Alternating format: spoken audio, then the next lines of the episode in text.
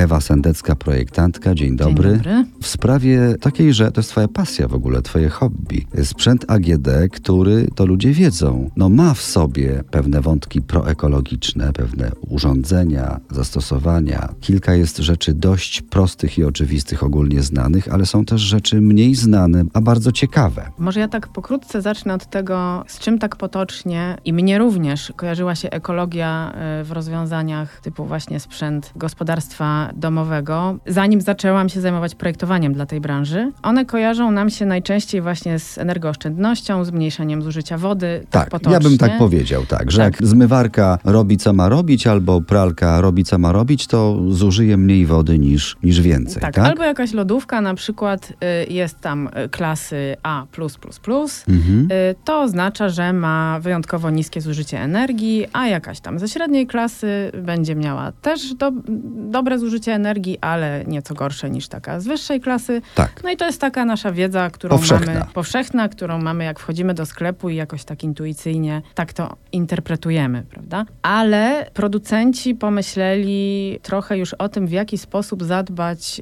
y, o nasze środowisko i o naszą planetę, może w nie, nie w taki bezpośredni sposób, bo też y, wyposażają te nowoczesne sprzęty mm, w innowacyjne funkcje, które mają nam pomóc na przykład w walce z marnowaniem żywności, bo taką jedną z największych naszych bolączek współczesnego świata jest właściwie to marnowanie żywności, to, że Tak. kupujemy za dużo, nigdy tego nie zużywamy, wydaje nam się, że kupujemy na zapas, a tak naprawdę potem się to marnuje. No i producenci dobrze właśnie przyuważyli tych współczesnych konsumentów, zwłaszcza ze świata zachodniego. Chociaż świat wschodni też y, już tym konsumpcjonizmem się zachłysnął, więc, więc bardzo chętnie podąża za trendami, Mhm. które gdzieś tam my wyznaczyliśmy. I producenci wpadli na pomysł, w jaki sposób y, tą żywność y, przechowywać tak, żeby ona w tej lodówce mogła być dłużej, ale w taki sposób, żeby ona po prostu była dłużej y, przydatna do spożycia. I na przykład zostały wymyślone takie komory świeżości, które mają swój osobny obieg, jeśli chodzi o dopływ powietrza i wymianę w ogóle powietrza. To są komory najczęściej na y, owoce i warzywa. No i dzięki temu, że takie komory mają y, regulowany stopień wilgotności, regulowaną temperaturę, właśnie ten osobny obieg, to można im stworzyć y, takie warunki, w których te warzywa i owoce, które w normalnych warunkach bardzo szybko się degradują, y, mogą nawet przetrwać do mm, dwóch tygodni. Więc y, no, chociażby ta zwiększona wilgotność, prawda? No bo, no bo one trzymane na zewnątrz po prostu nam wysychają. No więc chodzi o to, żeby jak najdłużej zachować te właściwości. Ten kolor, smak, aromat, te witaminy, o które tam wszyscy walczymy. Więc pojawił się taki pomysł. Też mamy duży problem z przechowywaniem całego nabiału, mięsa, ryb. To są też produkty, które szybko tracą żywność. No i tutaj też mamy odpowiedź w postaci tak zwanych komór zero. One często występują w postaci takich szuflad, w których jest właśnie temperatura około 0 stopni, czy tam troszeczkę nad albo troszeczkę poniżej. W każdym razie mm, tam jest na tyle chłodno, że to jedzenie nie zamarza, ale o wiele dłużej, przynajmniej dwa, trzy razy dłużej może w tej lodówce na nas czekać i Mhm. zachowuje te swoje właściwości, zachowuje świeżość. No i świetnym pomysłem jest ta izolacja tych komór pomiędzy sobą, tak żeby one miały te oddzielne obiegi, no bo wtedy te smaki i zapachy się nie przenikają, prawda? Nie mamy, nie mamy tego ryzyka, że coś tam zacznie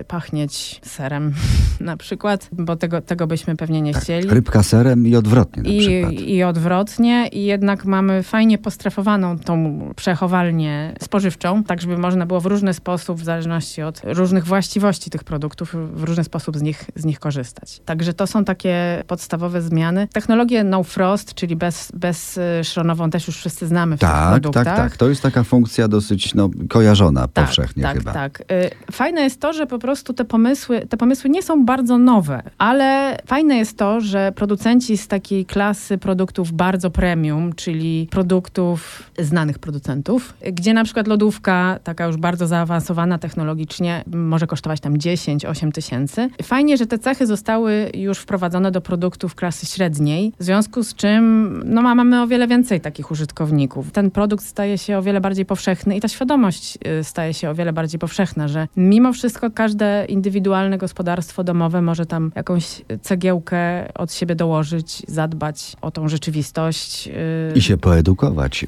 przy okazji też. i się poedukować, i zaprosić znajomych i pokazać, że tak można, że to jest jednak ważne. Zobaczcie, rybka, która nie przeszła serkiem, albo serek, który nie przeszedł wędlinką, sałatką. sałatką. Sałatką, tak, dokładnie. Tak, y, z cebulką. I, z cebulką. Natomiast w czasach właśnie sztucznej inteligencji, którą z jednej strony tak patrzymy na nią troszeczkę hmm, z ukosa. No, z jednej strony trochę się jej boimy, że jakoś tam nas wyprze, a z drugiej strony jesteśmy nią zafascynowani, to jednak takie pomysły jak inteligentne lodówki, czy inteligentne y, zmywarki, czy pralki, którym raz na miesiąc jakiś tam środek piorący, czy inny detergent wlewa się do takiej specjalnej komory i ta pralka sobie odwraca odważa to pranie, sprawdza, ile tego środka jest potrzeba, czyli najczęściej mniej tej chemii używa niż my byśmy domyślnie y, użyli, żeby się dobrze wyprało, to trzeba tam wlać od serca, żeby się wyprało bardziej. A tu nie właśnie. A tu jednak nie. I ta lodówka czy pralka, no, no, ciężko powiedzieć, że myśli za nas, ale przynajmniej korzysta z tych środków piorących wystarczająco. A czasem trochę decyduje po prostu za nas. Albo na przykład lodówka, która uczy się tego, w jakich porach ją zamykamy, w jakich porach najczęściej z niej korzystamy i wtedy, kiedy korzystamy z niej rzadziej, kiedy ona jest zamknięta, no to temperatura obniżana jest o 1-2 stopnie, więc znowu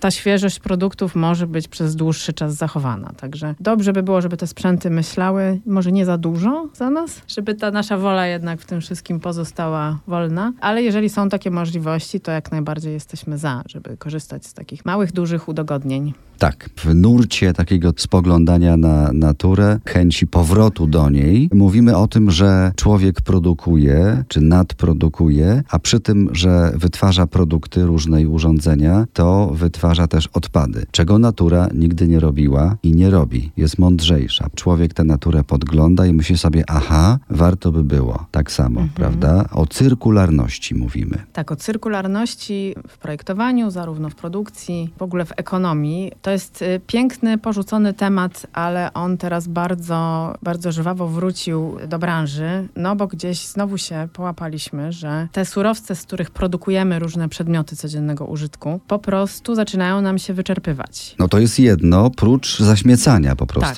a oprócz ziemi. tego, jakby obecnie dalej najczęściej projektuje się z takim podejściem liniowym, czyli weź surowiec, wyprodukuj z niego X, na przykład krzesło, zużyj wyrzuć. I chodzi nam o to, żeby z powrotem tej matce naturze zacząć się przyglądać i po prostu patrzeć, jak ten zamknięty obieg działa tam od tysięcy lat, bo natura sama sobie reguluje po prostu te swoje cykle. Nic tam się nie marnuje, każdy surowiec, po prostu każdy liść, y, który opadnie, dzieje się z nim dalej coś, zaczyna być jakoś biologicznie aktywny, wraca do tego cyklu, służy jako na przykład, nie wiem, nawóz albo pożywienie tak. dla jakichś mikroorganizmów. I tak w, w, koło. I tak w koło, jak to rzecze cyrkularność. Tak. Natomiast my trochę ten proces po prostu wyprostowaliśmy. Z koła zrobiliśmy linię i chodzi teraz o to, żeby z powrotem te linie zacząć zamykać. zakrzywiać. Zakrzywiać, tak. I, I domknąć. I domykać e, te cykle, no bo prędzej czy później my w tych odpadach zginiemy, jeżeli nie zaczniemy e, myśleć już na etapie projektowania o tym, na przykład o samym cyklu życia jakiegoś produktu, prawda? Czyli projektujemy, załóżmy to krzesło i już w trakcie projektowania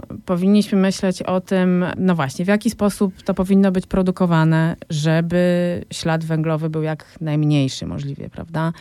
z jakich surowców ten mebel powinien powstać, żeby łatwo go potem było przetworzyć. Tak, żeby się rozłożył jak liść. Na przykład, bo jeżeli mebel jest polakierowany klasycznym lakierem meblowym, no to już kłopot. To właściwie nic z tym nie zrobimy, prawda? Albo koszty przywrócenia tego do poziomu y, surowca takiego biodegradowalnego są tak wysokie, że za, za chwilę sama ekologia już przestaje y, mieć sens, bo przywrócenie tego zaczyna kosztować taką dużą energię, że już sam w sobie ten proces przestaje być ekologiczny, prawda? Tak się mówi, że 80, 80 a może nawet 90% wpływu na to, co jest produkowane i w jaki sposób ma właśnie ten dział badawczo-rozwojowy, czyli tam, gdzie siedzi projektant, strateg, handlowiec, który przynosi swoje informacje z rynku, marketingowy, naukowiec, zespół technologów. Najmądrzejsze pomysły wymyśla się jednak w zespole. Do tego jesteśmy stworzeni, żeby pracować e, w zespole i jednak obserwować ten rynek i myśleć o całej podróży tego produktu w czasie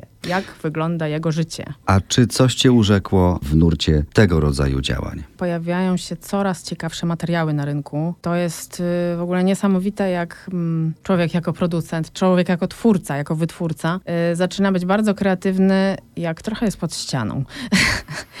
I zaczyna naprawdę myśleć w taki sposób, na tyle kreatywny, żeby wytwarzać surowiec z czegoś, co na pierwszy rzut oka byłoby kompletnie bezużyteczne. I na przykład takim materiałem bardzo ciekawym, skóropodobnym jest y, Pinatex, czy jak już troszkę nazwa y, sugeruje, to jest materiał z odpadu y, po obróbce przemysłowej ananasów.